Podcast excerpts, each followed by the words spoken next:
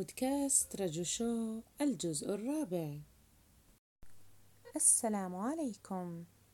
قناة رجو شو تحييكم وتتمنى لكم أوقاتا ممتعة وأنتم تستمعون لنا. تلخيص رواية أنتي خريستوس بقلم أحمد خالد مصطفى. إعداد وإشراف رجاء حمدان.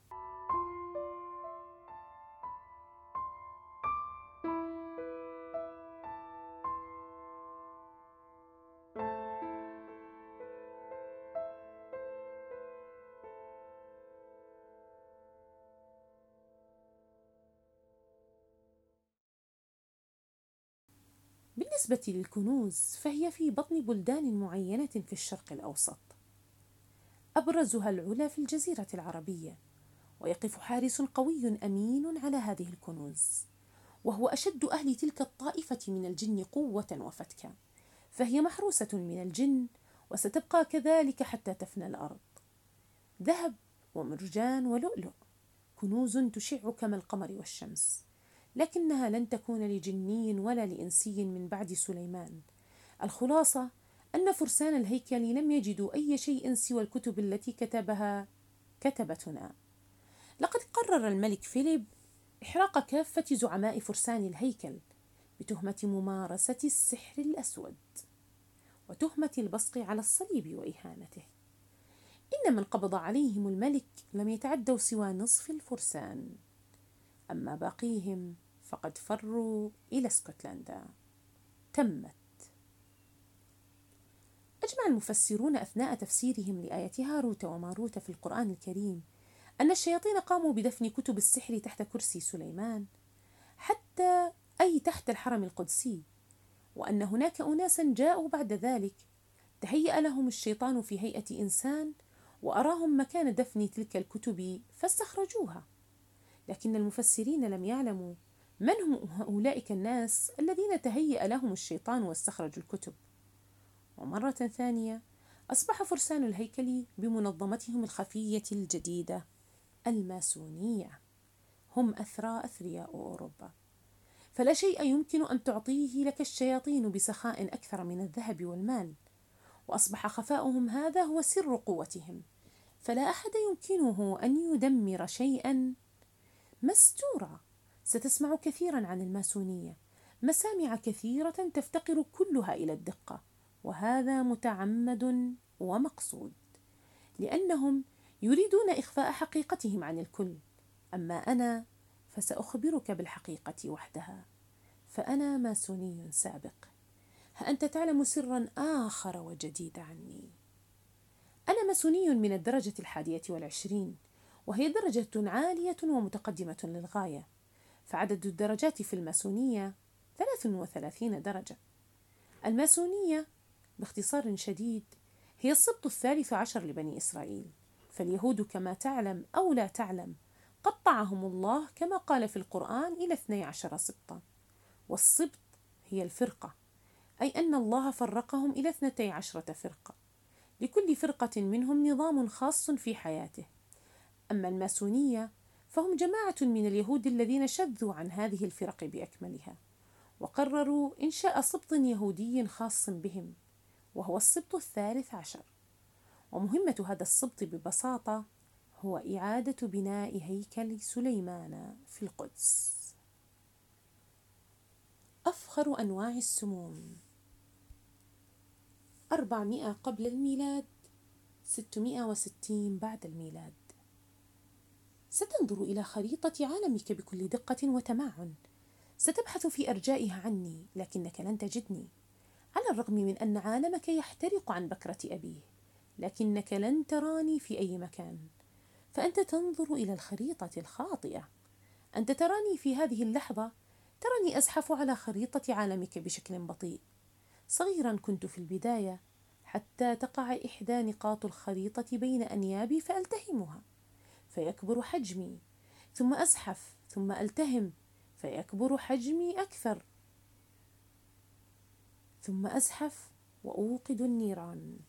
وأنفث السموم من, بني من بين أنيابي في كل مكان أحوم فيه. لقد عرفت الآن لقد عرفت الآن إلى من تنظر. لقد كنت تنظر إلى السيربنت الثعبان. بدأت الزحف أول ما بدأت في بابل الأرض الملعونة قبل أكثر من أربعمائة عام من ولادة المسيح. كان هناك يهود كثيرون طردوا من فلسطين وأخذوا إلى بابل أسرى وعبيدا مذلولين حاقدين نادمين. وفجأة لاح الأمل. كانت الغيمة البابلية السوداء التي حطت على تاريخهم على وشك أن تزول. وانهزمت مملكة بابل على يد مملكة فارس. وسمح الفارسيون اليهود أن يرجعوا إلى أراضيهم. ونفثت نفثة شيطانية مسمومة تلقتها قلوبهم المريضة بترحاب وخرجوا للعالم بكتاب مقدس جديد تفوق قدسيته قدسية التوراة وضعوا فيه أشد أفكارهم وعقدهم سوداء ممزوجة ومخلوطة بأسد بأشد سموم فتكا خرج التلمود إلى العالم كشيطان مريد وضع التوراة تحت رجليه. قالوا إن من يؤمن بالتوراة ولا يؤمن بالتلمود فليس مؤمنا. فالتلمود هو أشد قدسية من التوراة لأنه يحمل الأسرار الشفهية التي سمعها موسى من ربه وهي أقوى من التوراة التي كتبت. لم يدري أحدهم أنه لم تكن هناك أسرار إنما هي نفثات شيء إنما هي نفثات شيطان. وبعد أعوام من وفاة النبي عيسى بن مريم. عدت إلى أورشليم أزحف بسمومي. كان أتباع عيسى الحواريين يقومون بمهمة نشر الإنجيل الذي ينادي بالحب والإيثار والمساواة بين الناس ويوافق في تعاليمه التوراة اليهودية التي نزل بها موسى وصار عيسى يبشر بنبي يأتي في نهاية الزمان اسمه أحمد. لذا نفثت سموما مرة أخرى بمثل ما نفثت في قلوب أهل التوراة سموما فتاكة. نفثت في قلوب أهل الإنجيل سموما ثانية فتاكة أيضا. فجأة دخل على الحواريين رجل فزع لمشاهدته فزعا عظيما. إنه شاول رجل يهودي قوي مكلف من قبل أكابر اليهود بأن يعتقل الحواريين أحياء أو ميتين. باعتبارهم كفروا بالتلمود اليهودي. وبعدها أصبح اسم شاول يعرف فيما بعد بالقديس بولس. وأصبح بصفة رسمية قادرا ومتمكنا على تلقي الوحي من المسيح عيسى. وقادرا على التشريع. كان الله واحدا لا إله إلا هو في عقيدة المسيح عيسى. فأصبحوا ثلاث آلهة في عقيدة بولس الله وعيسى والروح القدس. كانت هناك توجد شريعة لله شرعها في التوراة اسمها الناموس. شريعة تفرض الصلاة والصيام وتحرم الخمر ولحم الخنزير والميتة. فأصبحت تلك المحظورات والمحرمات كلها في عقيدة بولس مباحة. ولا توجد أي واجبات لا يلزم المرء عند بولس صياما أو صلاة أو أي تكليف. هكذا أفسدت كل الشرائع التي أنزلها الله إلى الناس فسادا تاما وبصورة كاملة. وعدت من جديد إلى خارطة العالم. عدت أزحف وأنا أبحث عن قلوب ثانية. وفجأة يبدو أنني قد وجدت ضالتي. بعد حوالي ثلاثمائة عام من انعقاد مجمع نيقا فجأة سمعنا نحن الشياطين من نبأ السماء أمرا غريبا. كل أحاديث الملائكة التي نسترق منها السمع كانت تتكلم عن حدث عظيم يوشك أن ينزل بأهل الأرض. حدث سيقلب كل الأمور رأسا على عقب. كنت أتوقع أن يحدث ذلك الحدث وأنتظره بل ننتظره كلنا. كانت الأرض تستعد لأن تشهد ولادته ولادة محمد. مرت الأعوام وبعث محمد نبيا. أبطل هذا الرجل كل سم زرعته في تاريخ الأرض. تحدث بالحقيقة المجردة بأكملها. حكى أن إبراهيم وموسى وعيسى إنما كانوا يدعون كلهم إلى دين واحد وأن اليهود تركوا كتاب التوراة الحقيقي وأخذوا بكتاب من وحي تصوراتهم وخيالهم. وأن النصارى حولت المسيح من رسول لله إلى ابن وإله. لكن الله إله واحد لم يلد ولم يولد. وأخبر أن النصارى كتبوا في إنجيل عيسى كل ما طاب لهم من الكذب. وقال إن عيسى لم يمت وإنما رفعه الله إليه وإنه عائد في نهاية الزمان حتى يحقق نبوة, نبوءة التوراة. ويحكم العالم كله بدين إبراهيم وموسى ومحمد. دين الله الذي ليس له ثانٍ زحفت ناحية المدينة وتحديدا إلى مساكن وأماكن اليهود فيها ثم خرجت منها بعد أن أودعت في أفئدتهم ما أودعت. وفجأة قامت وأهدت امرأة من هؤلاء اليهود شاة مذبوحة مشوية إلى النبي محمد ورفاقه. وسألت هذه المرأة شيوخ اليهود عن أشد سم زعاف من سمومهم فتكا فسموا لها واحدا بعينه. فقامت بدسه في الشاة وسألت عن أي جزء يفضل النبي محمد أن يأكله. فقيل لها الذراع. فزادت في ذراع الشاة أضعاف ما وضعت في السم من جسد الشاة. وكان محمد يقبل الهدية فقبلها. وجلس هو وأصحابه حول الشاة. وتحفزت بشوق وتحفزت بشوق عيناي المشقوقة. وأخذ النبي محمد الذراع وأكل منه أكله. ثم تبعه أحد أصحابه وأكل ثم استوقفهم النبي محمد فجأة وقال كفوا أيديكم فإن هذه الذراع تقول لي إن بها سم. تضيقت عيني في خبث شيطاني. كنت أعرف أن تلك القضمة الواحدة التي أخذها من الشاة كانت كافية حتى تقتله ولو حتى بعد حين. وبالفعل مرض النبي محمدا مرضا كبيرا. بعد ثلاث أعوام من أكله للشاة.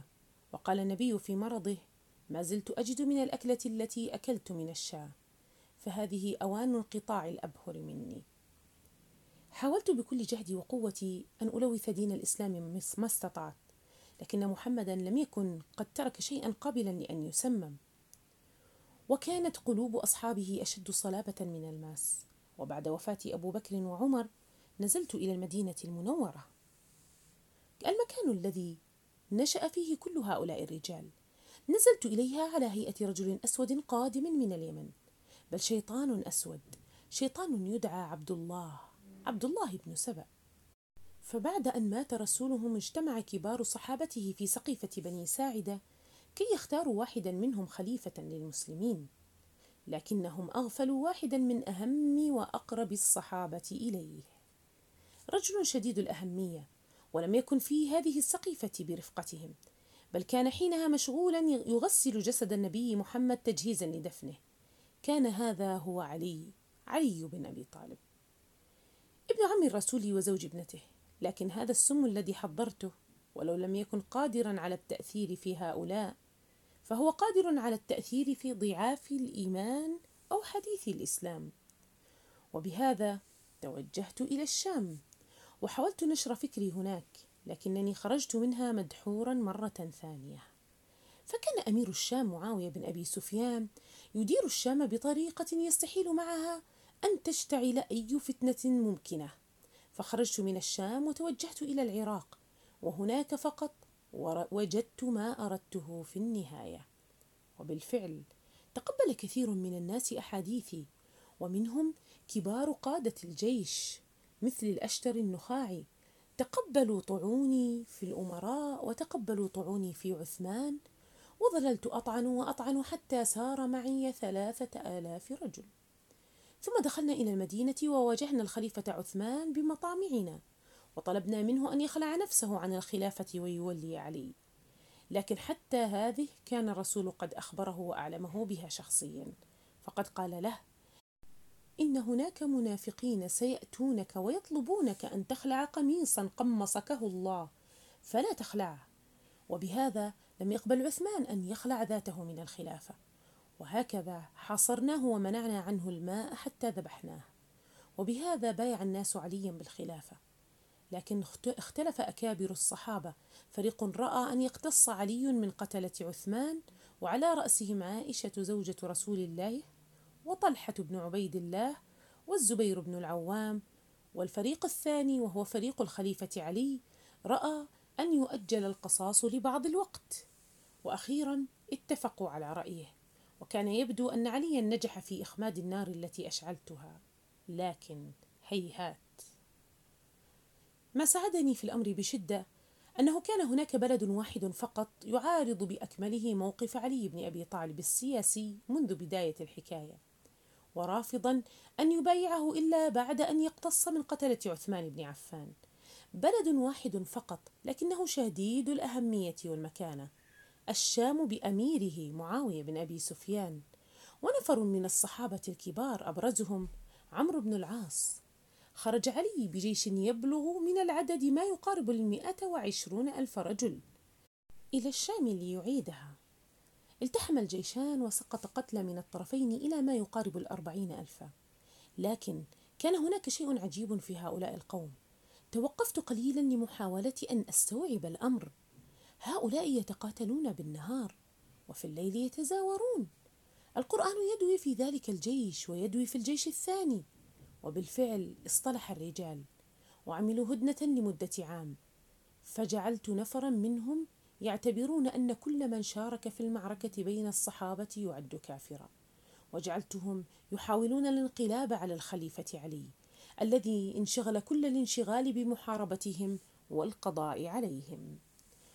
إلى أن جاء أحدهم وقتله وهو عبد الرحمن بن ملجم الذي اعتقد بكل السم الزعاف الذي أودعته وجعلته في قلبه أنه قتل عليا وأنه سيدخل الجنة.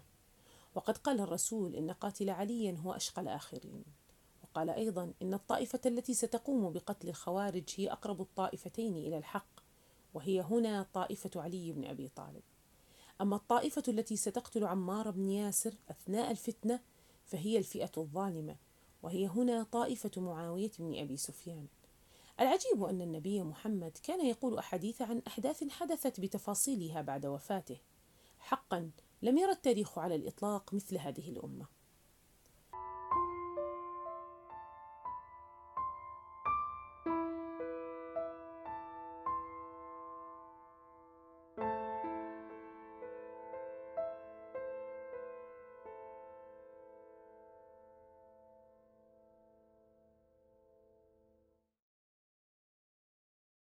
نهاية الجزء الرابع بودكاست رجو شو.